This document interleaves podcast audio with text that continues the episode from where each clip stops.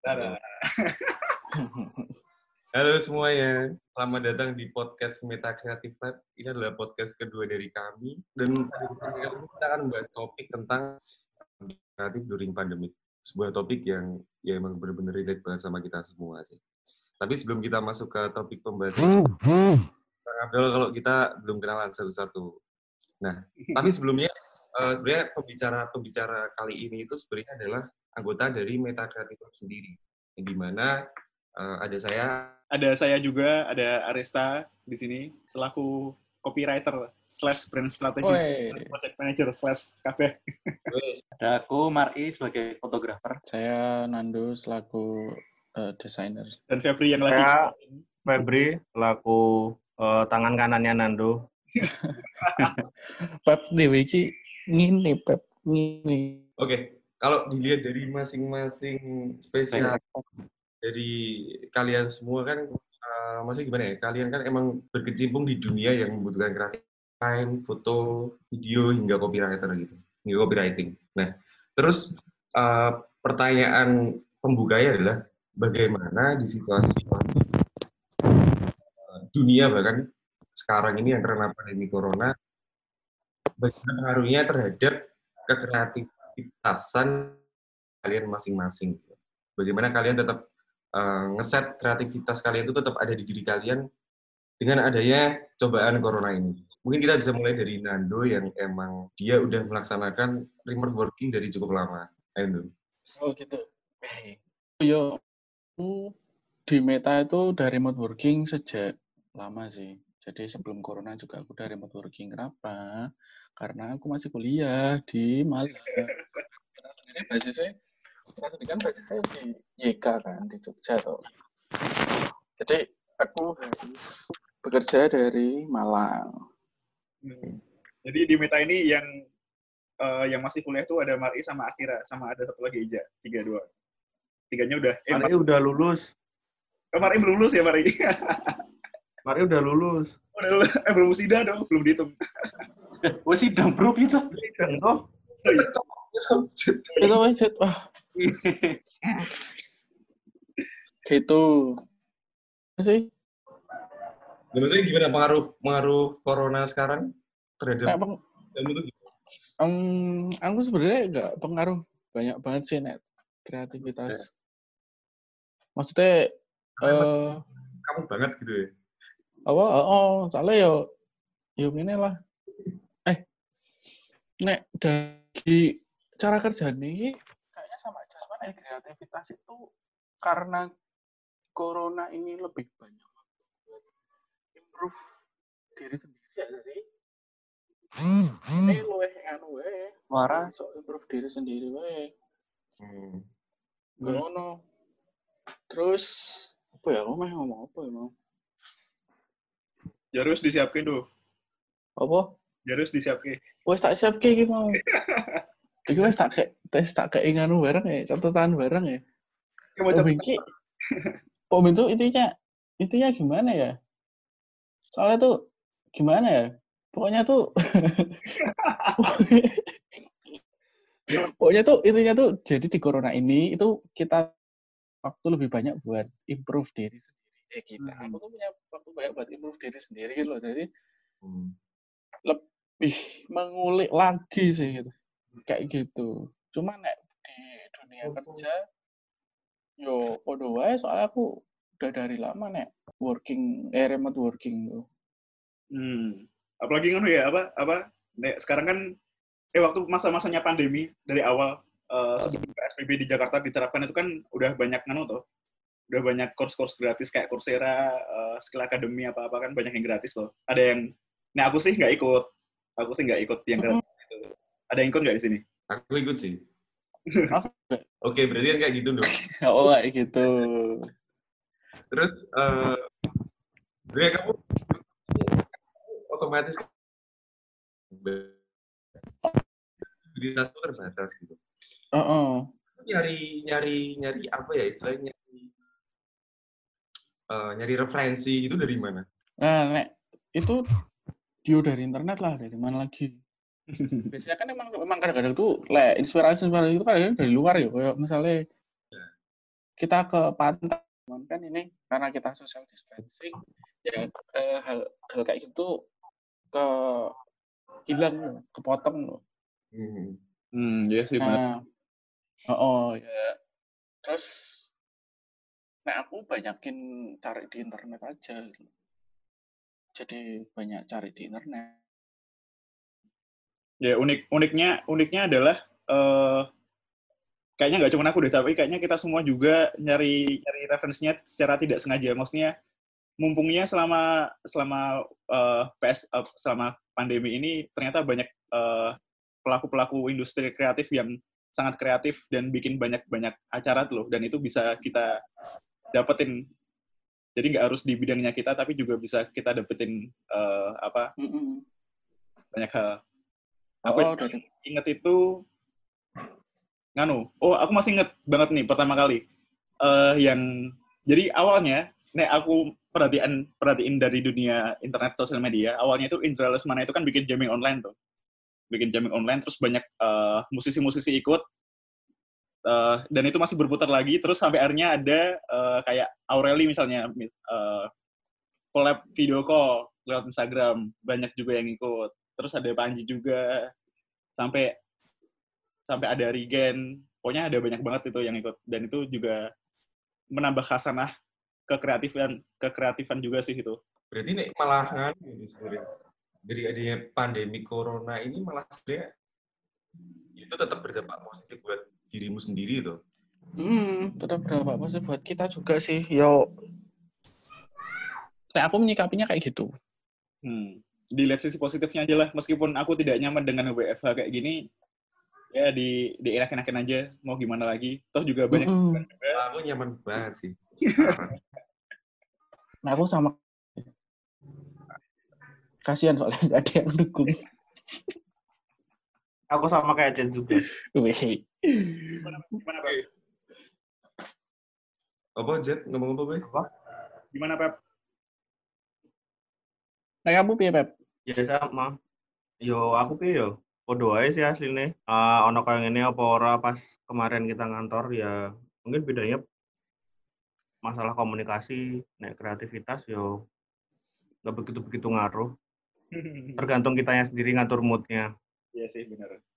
Tapi kalau aku, nek aku pribadi ya, nek aku pribadi itu eh, lebih banyak waktu buat nge-explore hal-hal yang di luar yang biasanya aku lihat. Soalnya nek biasanya kerja itu kan kalau udah pulang kadang-kadang malam gitu, sampai rumah udah capek, tinggal pengennya nonton film aja, habis tidur, mainan Twitter bentar.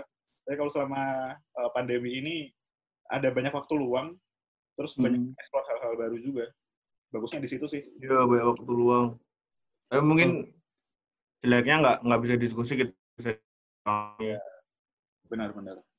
Ah, Pep, Pep, kan kamu ke eh wongnya sosial banget tuh, Pep. Sosial banget. Iya, eh kan ekstrovert tuh.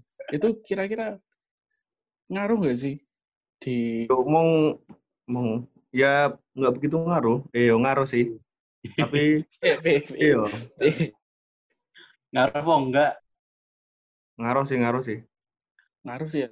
Nggak bisa bersosial keluar. kalau Mari kayaknya kan dia introvert tuh kayaknya nggak berpengaruh banget. ya. Anu Oh, sosialisasi banget. Malah seneng Ngaruh ya. lah aku. Ngaruh, Ngaruh lah. ngaruh gimana tuh?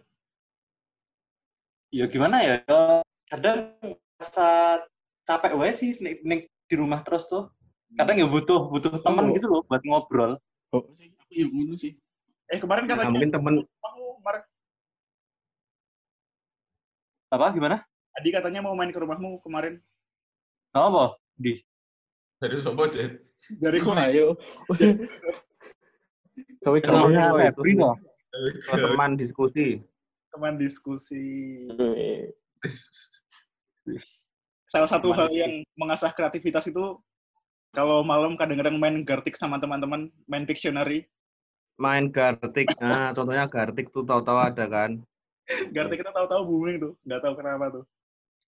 Wah, apaan main Gartic itu? Gaple wae ning aku. Nggak boleh online Nora? Tapi ora ono sih kayaknya weh. Kita ngono deh. Ono.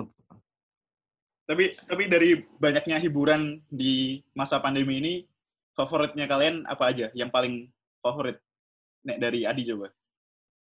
Favorit apa nih? Maksudnya kegiatan gitu, sehari-hari gitu. Eh, kegiatan kegiatan paling favorit atau atau hiburan paling favorit lah.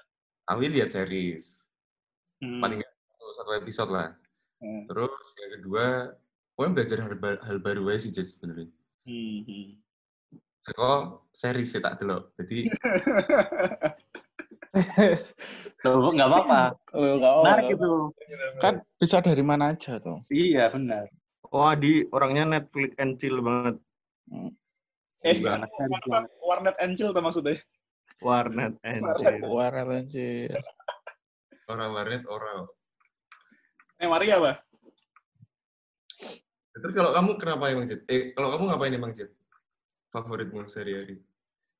Nonton series. eh Gak boleh sama bro. Oh iya, sama. boleh sama ya? Oh, aku, aku belajar gitar dong. Aku belajar gitar. Oh, Wah, gue Nice. eh emang explore. Aku belajar instrumental. Tuh, siap. Oh, no sing anyar. Gigi, gigi, dulu, dulu. Gorong-gorong ini iki. Dengerin, dengerin. Allah. Sik. Apa? Oh, angon. Pelihara SG. Oh, Sugar Glider. Glider. Kalian belajar masak juga nggak toh Apa? di pandemi? Oh, Belajar masak bareng nggak sih? Rakober, bro. Oh, nah aku cari sih. Berapa yo? Ya. Soalnya kebanyakan pada nunjukin keahlian masak eh soalnya. Dan aku kayaknya pengen juga sebenarnya. Aku nemu yang baru tadi, Mar. Berhubungan Apa? dengan foto. Apa? Si Erik tuh bikin di story Erik Sukamti. bergerak. Oh, jadi kayak eh, kalau kamu bisa motret studio di rumah, memberdayakan teman-teman UMKM kecil yang punya kulineran kulineran kecil. Jadi kamu kayak buka jasa foto gratis. Ono aku ini story Erik. Oh. Jadi yang mereka jual-jual makanan kayak gitu ya, yang deket-deket Yo, rumah. kayak sop buah, kayak makanan Hmm.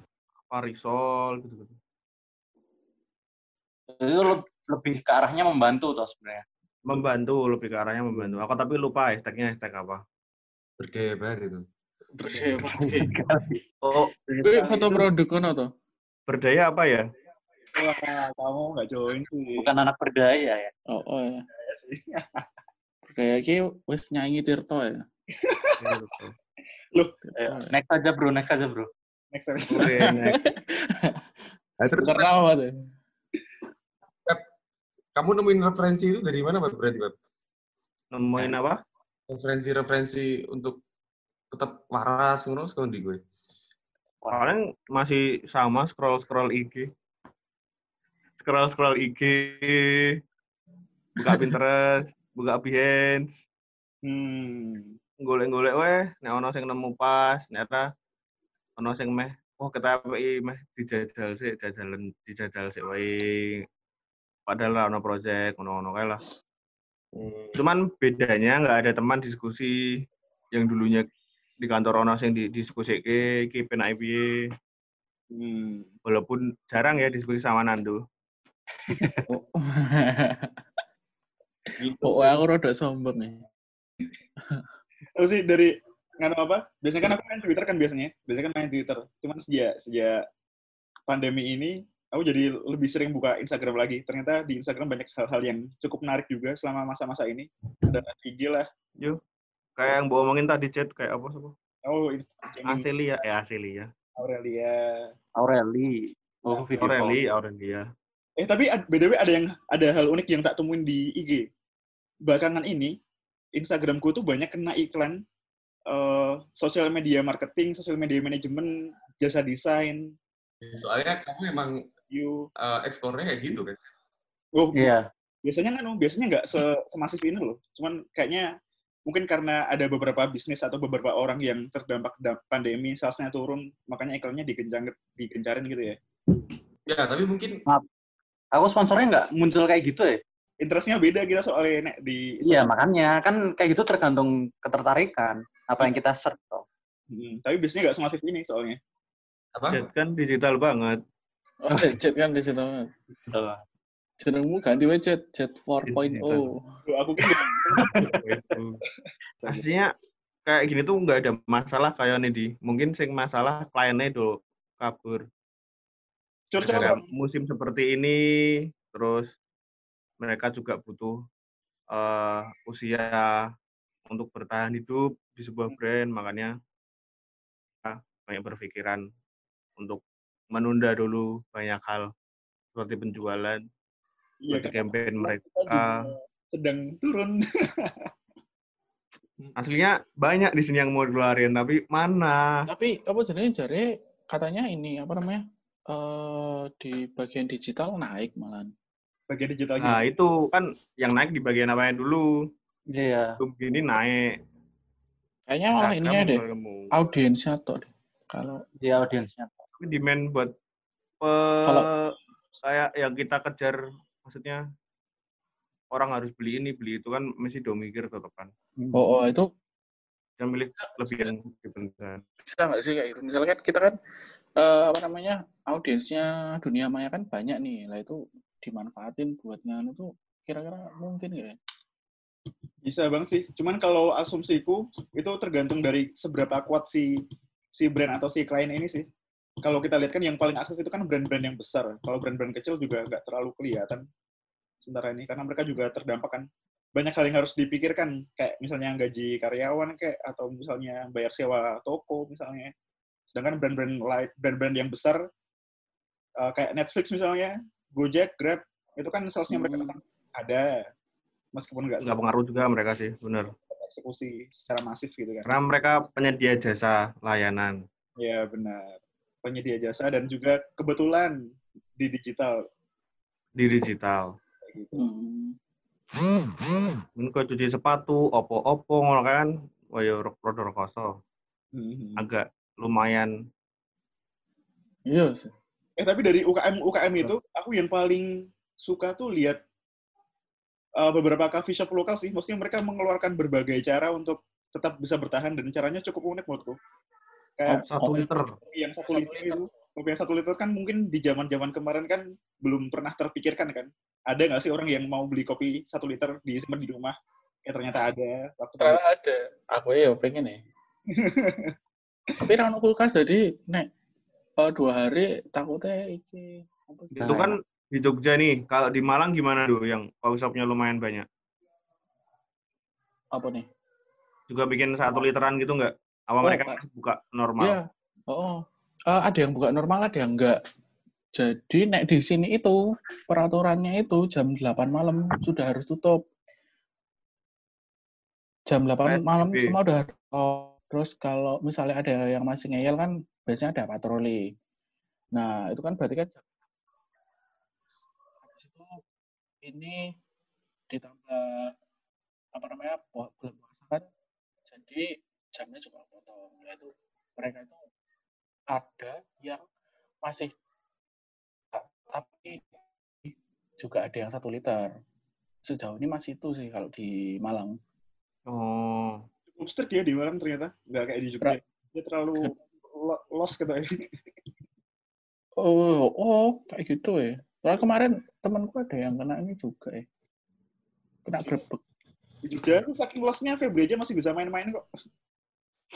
Tapi aku juga masih bisa keluar keluar sih cuman memang iya, main-main tuh cuman eh, buat kepentingan aja ya. Setiap Hmm. hari. Mm-mm, gitu buat kepentingan Benar. kayak misalnya cari bahan makanan Ya, lima jam dari bahan makanan. Kalau nggak seharian. untuk Sambil ketemu keluar ketemu bahan makanannya gitu kan Oh. nggak apa-apa. terus ngobrol-ngobrol bentar nggak apa-apa lah ya Nggak apa-apa lah. Yang penting kan apa niatnya dari rumah cari bahan makanan. cari bahan Iya. makanan Benar, benar, benar.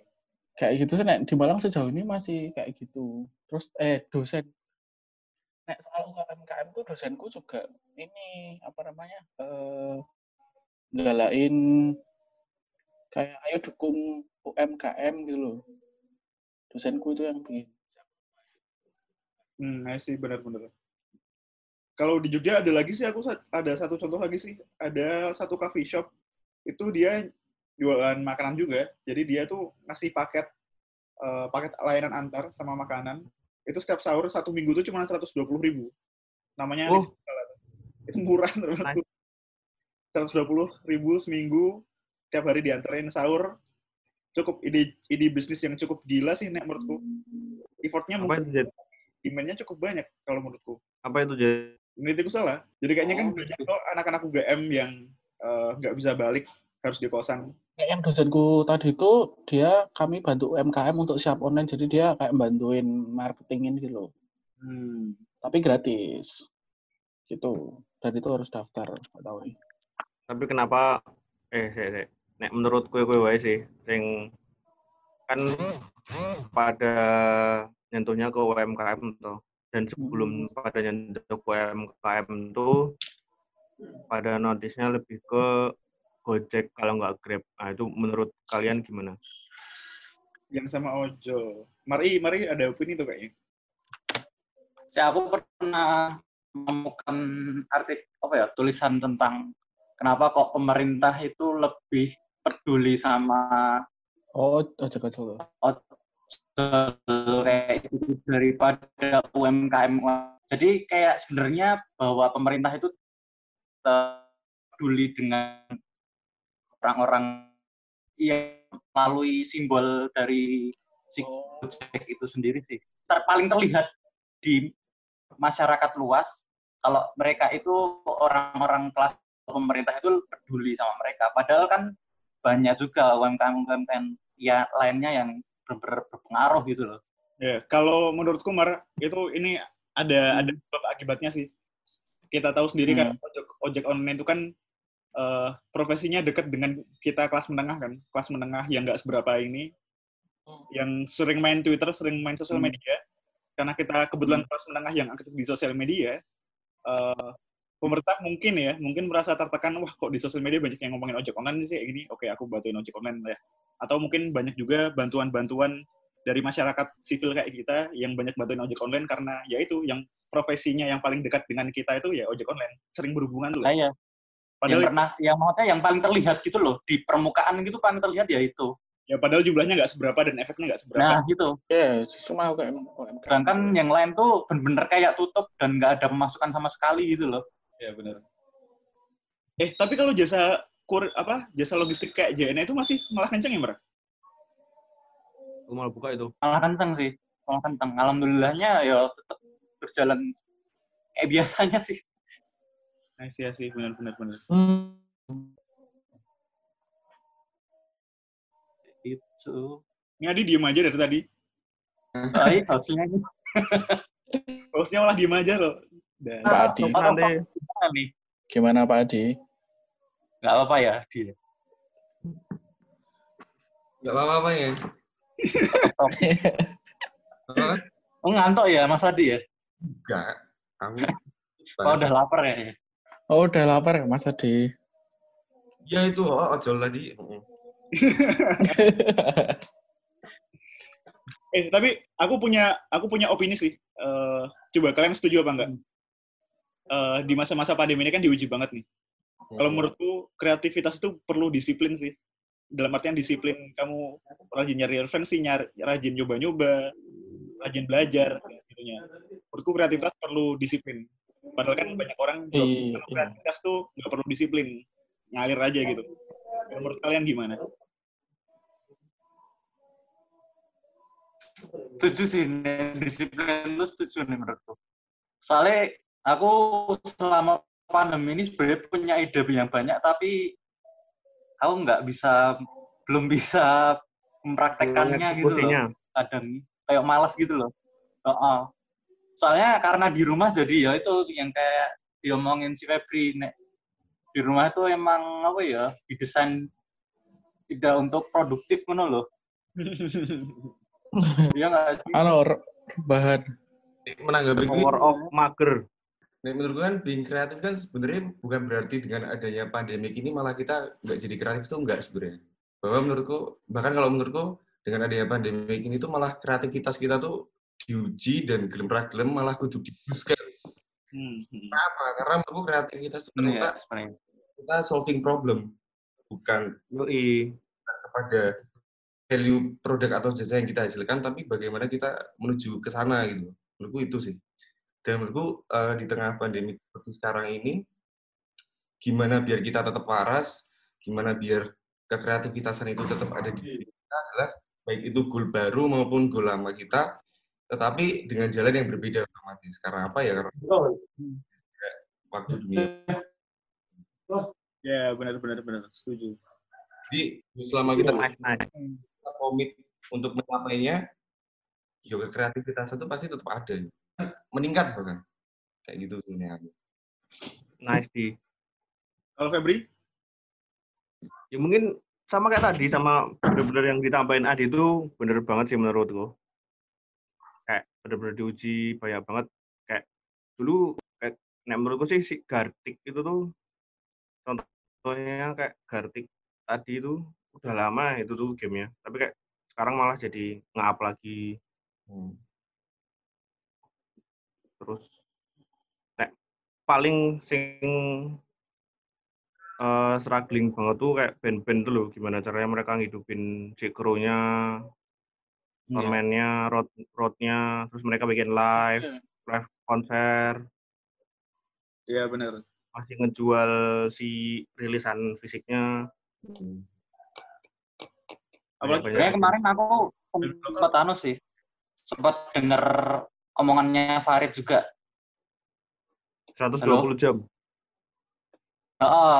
jadi si Farid pernah bilang sebenarnya untuk band-band itu ketika di masa kayak gini menjual kayak kaos dan CD kayak gitu tuh sebenarnya juga apa ya kurang-kurang bijak aja sih sebenarnya. ya kurang bijak eh, para fans Oh. disuruh buat membeli itu padahal kan eh, maksudnya kan juga di, di, eh, di masa kayak ini juga tetap gak gitu loh Hmm.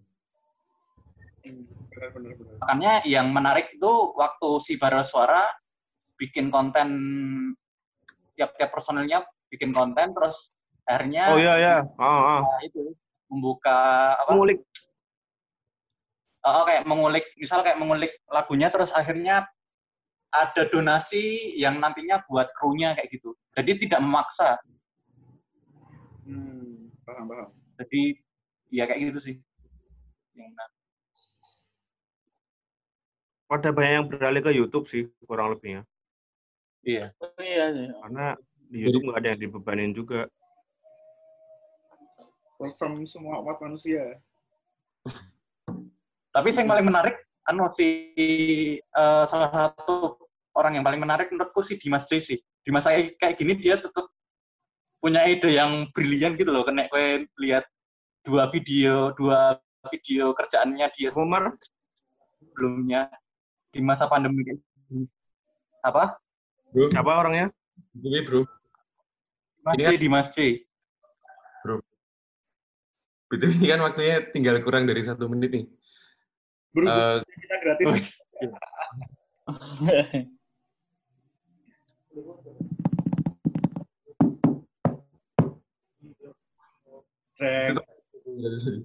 Oh, ini Iya. Apa dilanjutkan closing closing Oh, closing aja. Closing. Closing aja, closing aja. Terus. Kaya anu ya, dokter Tirta ya. Dokter. wih wih wih wih wih wih Main debat karo Jering. buh wis dulu Tomar Kan. Nanti malam toh? Nanti malam. nanti malam klarifikasi jangan ngomong di sini Ya udah gitu. Gitu dulu kali ya. Iya. closing di Closing deh. Oke, itulah eh, podcast yang sangat spontan sekali dari Meta Kreatif pada kesempatan kali ini. Terima kasih sudah mendengarkan. Salam. Kayaknya seminggu sekali asik di